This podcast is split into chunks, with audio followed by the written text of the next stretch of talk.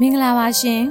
MCA Network ကနေစီစဉ်တင်ဆက်ပေးနေတဲ့ podcast အစီအစဉ်ကိုနားဆင်အားပေးကြသူအားလုံးမင်္ဂလာအပေါင်းနဲ့ပြည့်စုံကြပါစေရှင်။ကျွန်မကတော့ MCA Network ရဲ့ထုတ်လွှင့်ပေးမယ့်အစီအစဉ်တွေမှာပါဝင်တင်ဆက်ပေးတော့မယ့် Voice Talent အေးစုမမရှင်။1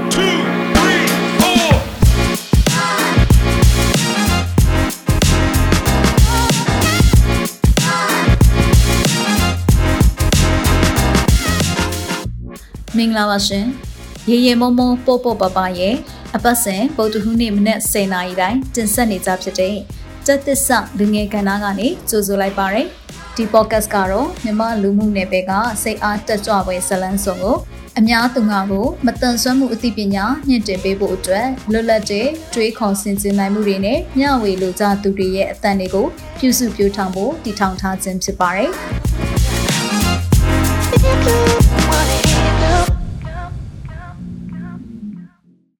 အကြောင်းကိုမပြောပြခင်ကျမမိဘအကြောင်းကိုအရင်ပြောပြချင်ပါတယ်။ဘာလို့လဲဆိုတော့ကျမရဲ့အမှုအကျင့်ဝါသနာတွေဟာအဖေနဲ့အမေစီကကူးဆက်လာတာလို့ကျမထင်လို့ပါ။အဖေနဲ့အမေဟာတောသူတောင်သားတွေပါ။သူတို့အိမ်အောင်ကြတော့စီးပွားရေးအတွက်မန္တလေးမြို့မှာပဲအခြေချတယ်ပေါ့။ဒီတော့ကျမဟာမန္တလေးမြို့မှာမွေးဖွားကြီးပြင်းလာတဲ့မန္တလေးသူပါ။ကျွန်တော်ကျွန်တော်နဲ့မပြောတတ်တဲ့မန္တလေးသူပေါ့ရှင်။ ကျမမမွေးခင်ကအဖေဟာတကြံကြရင်ဖြော်ပြတဲ့တန်ချက်အဖွဲ့ရဲ့မင်းသားတဲ့နာမည်ကြီးဆိုပဲအဖေကအတန်တအားကောင်းတယ်လို့ရုပ်လဲချောတယ်လို့အဖေရဲ့တန်ချက်ပြိသက်တွေကပြောပြတယ်ကျမတို့ရွာမှာတစ်နှစ်တစ်ခါကျင်းပတဲ့ဖျားပွဲမှာလဲအရက်ပြဆက်ကတဲ့အခါအဖေကမင်းသားပါပဲအငိမ်ခန်းကကြတော့လူရွှင်တော်ကိုတောက်ကြတဲ့ကျမ၄နှစ်၅နှစ်အရွယ်လောက်ကြတော့ရွာဖျားပွဲဆိုရင်အဖေမှာတာဝန်တစ်ခုပိုးလာပြီ ဘာတာဝန်လဲဆိုတော့တချင်းဆိုတဲ့တာဝန်ပေါ့အဖေကဆိုသမီးကက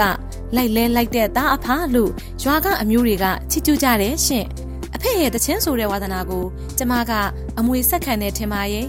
ကျမလဲတကြံကြပြီဆိုတာနဲ့ရွာကိုသွားရွာမန်းတက်မှာတချင်းဆိုအကကမန္တလေးမြို့သူတဲ့မန္တလေးတကြံပျော်ဘူးတာလက်ချိုးရည်လို့ရတယ်နှစ်တိုင်းရွာတကြံကိုပဲပျော်ခဲ့တာအဲ့ဒီလိုပျော်ခဲ့ရတာကိုပဲ ပိုပြီးကျဉ်နှက်မိတာမန္တလေးတကြံနေဘူးတဲ့နှစ်ကရှာရှာပါပါပါပဲရေဒီယိုအတွက်တကြံအစီအစဉ်တွေကိုတိုက်ရိုက်ထုတ်လွှင့်တင်ဆက်တုန်းကရဲ့တကြံမန်းတက်မှာအခမ်းအနားမှုအဖြစ်တာဝန်ယူတင်ဆက်တုန်းကရဲ့ပဲတချို့3-4နှစ်လောက်ရဲ့ပဲမှတ်မှတ်ရရ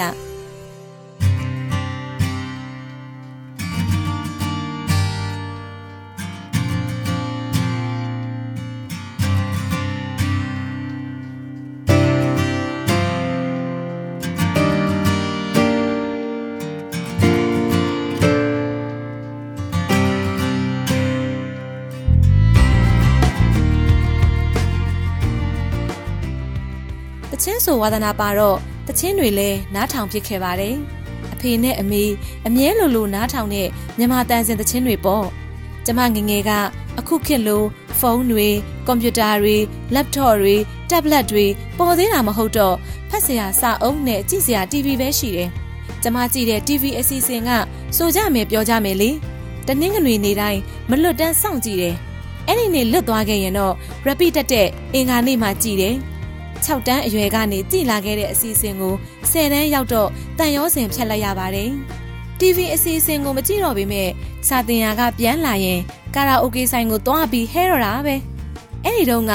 CD OK ဆိုင်ကာရာအိုကေဆိုင်လေးတွေရက်ွက်တေထဲမှာရှိတယ်။တချင်းတစ်ပုတ်ကို90တရားဘိုးဆိုသုံးပုတ်ဆိုရတယ်ထင်တာပဲ။တနေကုန်စာရီတင်အတကုံကျက်ပြီးရင်တစ်လတစ်ခါလောက်တော့တငယ်ချင်းနဲ့အတူဆိုင်သွားပြီးတချင်းဆိုကြတာ။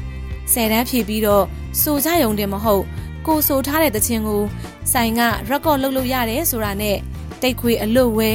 ကိုကြိုက်တဲ့လက်ရွေးစံတခြင်း10ပုတ်လောက်ရွေးဆိုအတန်သွင်းသေးတာနော်ချစ်ရတဲ့အတော်နားထောင်ဖို့ဆိုပြီးသူနားထောင်မယ်လို့လည်းမပြောဘဲနဲ့ကို့အတန်နဲ့ဆိုထားတဲ့တခြင်းတွေကိုလက်ဆောင်ပေးသေးတာနောက်ထပ်နှစ်လလောက်ကြာတော့အိမ်တိုင်းအိမ်တိုင်းမှာစီဒီဇက်ဆိုတာလေးတွေရှိလာကြတယ်အဲ့ဒီထဲကျမတို့အိမ်လဲပါတာပေါ့ ဒလဝါသနာကြီးရဲ့အဖေနဲ့သမီးပဲဟာအိမ်မှာကြိုက်တဲ့အချိန်ကြိုက်တဲ့သချင်းကိုဆိုယုံပဲအဖေနဲ့တွဲပြီးခဏခဏဆိုတဲ့သချင်းကနှစ်ကိုယ်တူချစ်သမျှတဲ့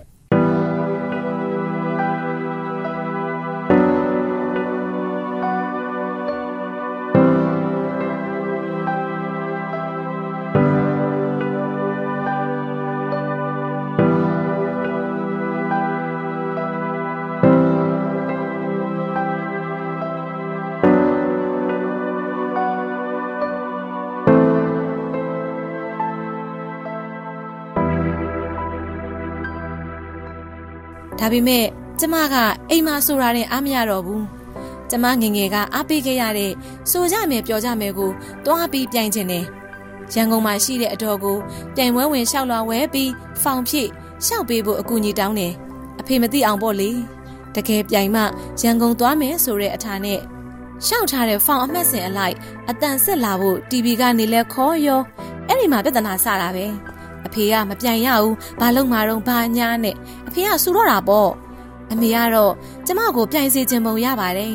ဒါပေမဲ့အဖေကတားမတော့ဒီဇက်လန်ဒီမာရင်ရက်ပဲဒီလိုနဲ့ဆယ်တန်းအောင်စရင်တွေထွက်လာဂုံတို့တစ်ခုပါတယ်အမှတ်ကလည်းများတယ်ကျမတက်ချင်တာကအမျိုးသားယဉ်ကျေးမှုနဲ့အမှုပညာတက္ကသိုလ်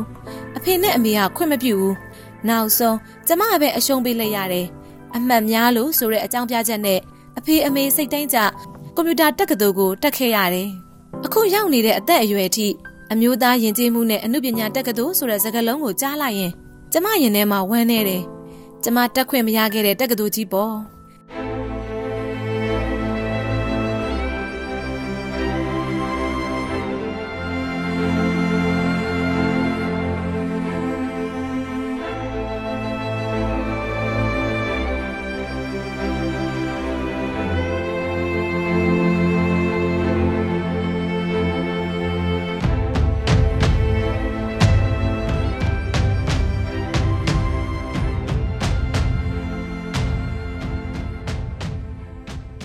အဲ့ဒီကចောင်းသူចောင်းသားတွေကိုမြင်ရင်တိတ်အားကြတယ်ကို့လိုမဟုတ်ဘဲသူတို့အိမ်ကခွင့်ပြုပေးတယ်ဆိုတဲ့အတွေးနဲ့ပေါ့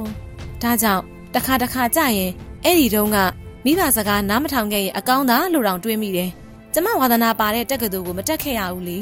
ဝါသနာမပါတာကြီးကိုကြတော့မိဘတွေစိတ်ချမ်းသာပါစေဆိုတဲ့စိတ်နဲ့လုပ်ခဲ့ရလို့ပါဒါကြောင့်အသက်သာကြီးလာတယ်ဝါသနာကတော့အခုထိပါတော့မယ်ဖျားပွဲကြောင်ပွဲအလူပွဲမင်္ဂလာဆောင်ပွဲတွေမှာပျော်အနေနဲ့ တချင်းတွေဆိုပြစ်ခဲ့တယ်လေ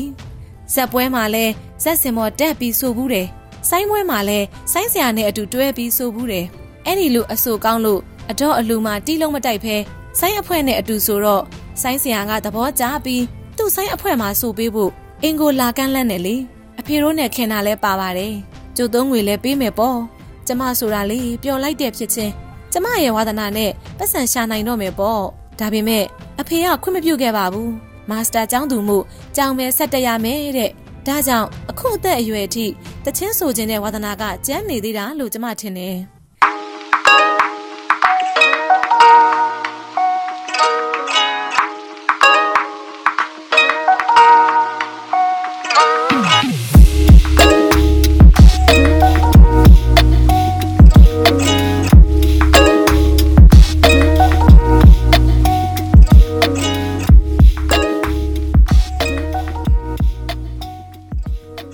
လုပ်ငန်းခွင်ထဲရောက်တဲ့အခါမှာလဲတချင်းဆိုပြိုင်ပွဲတွေဝင်ပြိုင်သေးတာပဲ shopping center တချင်းဆိုပြိုင်ပွဲရင်ထဲကမြို့မှာတချင်းဆိုပြိုင်ပွဲငင်းချင်ရင်ဂီတပွဲတော်တချင်းဆိုပြိုင်ပွဲဒါပေမဲ့ဘာစုတစ်ခုမှလည်းမရဘူး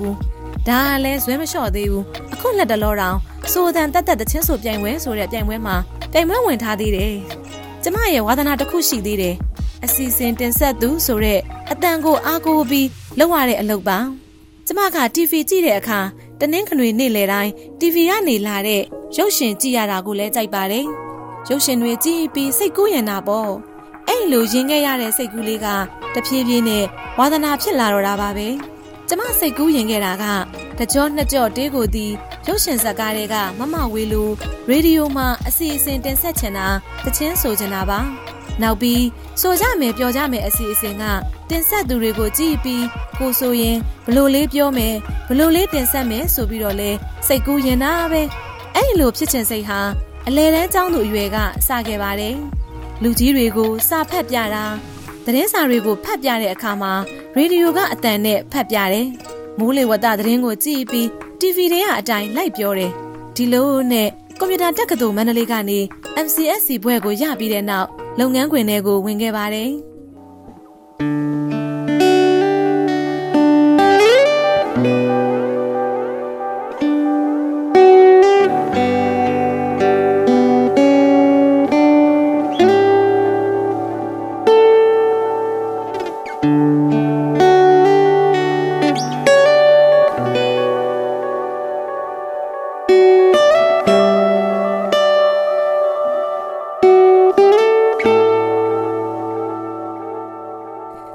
ရဲ့ပထမဆုံးအလုပ်ကကျမသိမ့်လှုပ်ချင်ခဲ့တဲ့သိမ့်ဝါသနာပါခဲ့တဲ့သိပ်ပြီးစိတ်ကူးရင်ခဲ့ရတဲ့ရေဒီယိုအစီအစဉ်တင်ဆက်သူပါဒါပေမဲ့အဲ့ဒီအလုပ်ကိုလုပ်ခဲ့တာဟာတစ်နှစ်နီးပါးပဲကြာခဲ့ပါတယ်သိမ့်လှုပ်ချင်ခဲ့တဲ့အလုပ်ဖြစ်ပေမဲ့တကယ်လုပ်မယ်ဆိုတော့အကြောင်းကြောင့်ကြောင့်မလုပ်ဖြစ်ခဲ့ပါဘူးအဲ့ဒီဟာနောက်တော့စာဖတ်စာရေးရတာကိုလည်းဝါသနာပါတဲ့ကျမက print media လောကထဲကိုရောက်ခဲ့ပါတယ်သတင်းစာဂျာနယ်တွေမှာ သတင်းတွေစောင်းမားတွေရေးပါတယ် broadcast media မှာအလုပ်လုပ်ခဲ့ပါတယ် online media ခေတ်စားလာတော့ presenter လည်းလုပ်ခဲ့ပါသေးတယ်2020မှာကိုဗစ်ကံရောဂါကလည်းစလာကိုဝင်ကိုလည်းလွဲထားရတော့အလုပ်ကနေထွက်ခဲ့ပါတယ်အခု2022မှာတော့ content writer တယောက်အနေနဲ့လုပ်ငန်းခွင်တွေကိုပြန်ဝင်လာပါပြီ12နှစ်နီးပါးကာလတစ်လျှောက်လုံးလုပ်ငန်းခွင်အစုံနေပယ်အစုံမှာအတွေ့အကြုံကောင်းတွေအများကြီးရခဲ့ပါတယ်။ ဘာလို့လုပ်ငန်းခွင်အစုံဖြစ်နေလဲဆိုတော့ကျမရဲ့ဝါသနာကရှိပြီးသားဒါပေမဲ့ဝမ်းစာအရာအလုပ်ရဲ့လိုအပ်ချက်အရာအလိုက်တဲ့စီးမျောပြီးလုပ်ခဲ့ရတော့လုပ်ငန်းခွင်ကအစုံဖြစ်သွားတာပေါ့။အဲ့ဒီလိုလုပ်နိုင်အောင်လဲသင်တန်းတွေအများကြီးတက်ခဲ့ပါတယ်။ကျမကအလုပ်လောပါကြီးတယ်။ဘယ်နေရာမှာမှအလျှော့ပေးခြင်းအရှုံးပေးခြင်းစိတ်ကလည်းမရှိဘူး။အခွင့်အရေးရသလောက်လဲစူးစမ်းခြင်းတယ်။ဆယ်တန်းဖြည့်ထားပြီးတက္ကသိုလ်မတက်ရသေးတဲ့အချိန်ဆက်ချုပ်တင်ဘူးတယ်။ လုပ်ငန်းခွင်ထဲရောက်တော့တခြားလိုအပ်တဲ့သင်တန်းပေါင်းစုံအပြင်ကိုနဲ့အလံဝေးတယ်လို့ထင်တဲ့ဇက်ညွန်းသင်တန်းလည်းတက်ခဲ့တယ်။စုတွေဘာတွေတော့မရပါဘူးရှင်။ကျမကစူးစမ်းကျင်တာပဲရှိတာ။ညံရီတော့တိတ် bright မဖြစ်ဘူးထင်တယ်ရှင်။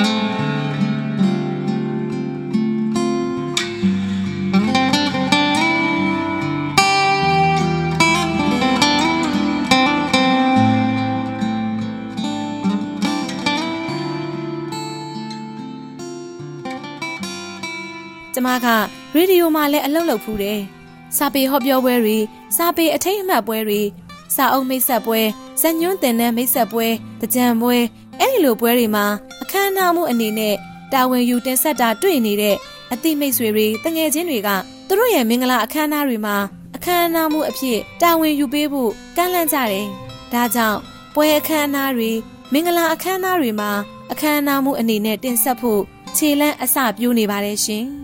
လက်ရှိရောက်နေတဲ့အသက်မှာကျမရဲ့အိမ်မက်ကိုပြောရမယ်ဆိုရင် ကျမရဲ့ဝါသနာတွေထဲကတစ်ခုကိုအကောင့်ထဲဖော်ခွင့်ရခဲ့တယ်။ဒါပေမဲ့ကိုကိုကိုအားမရသေးပါဘူး။ကိုလှုပ်ခဲ့တယ်ဆိုပြီးတော့လဲဂုံယူဝင့်ကြွားပြီးမနေနိုင်သေးပါဘူး။ဒါပေမဲ့ကျမအသက်အရွယ်ဆိုရင်အစဉ်အစဉ်တင်ဆက်သူအနေနဲ့အလုတ်လုတ်ခွင့်ရမယ်လို့မထင်တော့ပါဘူး။လှုပ်ချင်စိတ်ပြင်းပြတော့တခုခုလုပ်မယ်လို့စိတ်ကူးတော့ MCA network မှာ voice talent တွေကိုဖိတ်ခေါ်တော့ကျမ စိတ်ဝင်စားမိတယ်လေ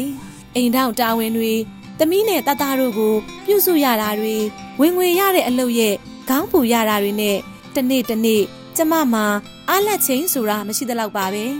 အခုတောင်မနက်9နာရီရုံးတက်ညနေ4နာရီခွဲရုံးစင်းပြန်လာတော့ podcast အတွက် story script ရေးည9နာရီခွဲသင်တန်းတက်ည10နာရီသင်တန်းပြီးတော့ podcast အတွက်အတန်သွင်းနေပါတယ်ရှင်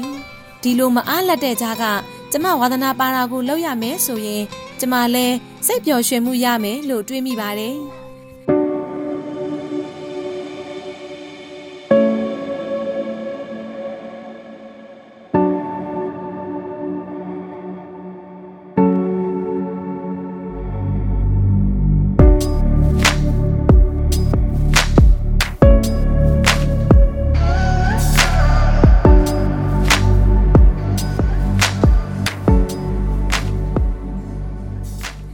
Voice Talent ရဲ့အားသာချက်က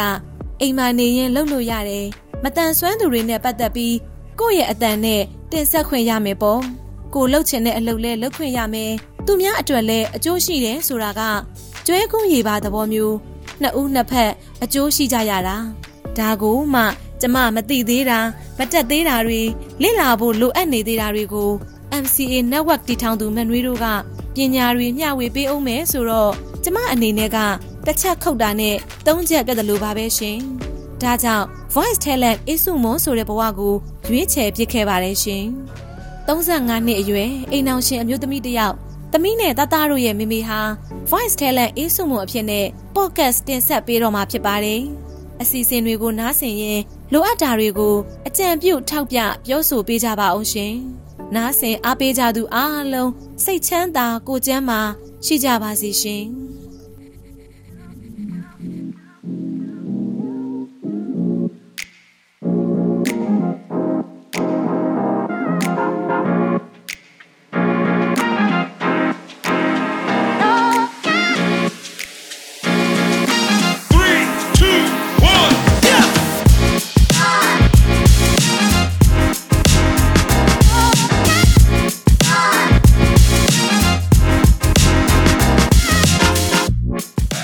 မတို့ရဲ့ရေရေမမောပေါပေါပပ podcast အစီအစဉ်မှာအလုပ်တင်ဖြစ်ဖန်တီးမှုမျိုးစုံကိုလက်စွမ်းပြလှုပ်ဆောင်ဖို့စိတ်ပါဝင်စားသူများအနေနဲ့ Google Form ကနေပြီးတော့မှမိမိတို့ရဲ့မှတ်ပုံတင်ရှင်းနှောင်းနဲ့အလှတက်ပုံတစ်ပုံအပြင်နမူနာလက်ရာတစ်ခုနဲ့အတူအမြင့်ဆုံးရှောက်ထားဖို့ဖိတ်ခေါ်လိုက်ပါတယ်။နောက်ပတ်ဗုဒ္ဓဟူးနေ့မနက်10:00နာရီမှာပြန်ဆုံကြရအောင်နော်။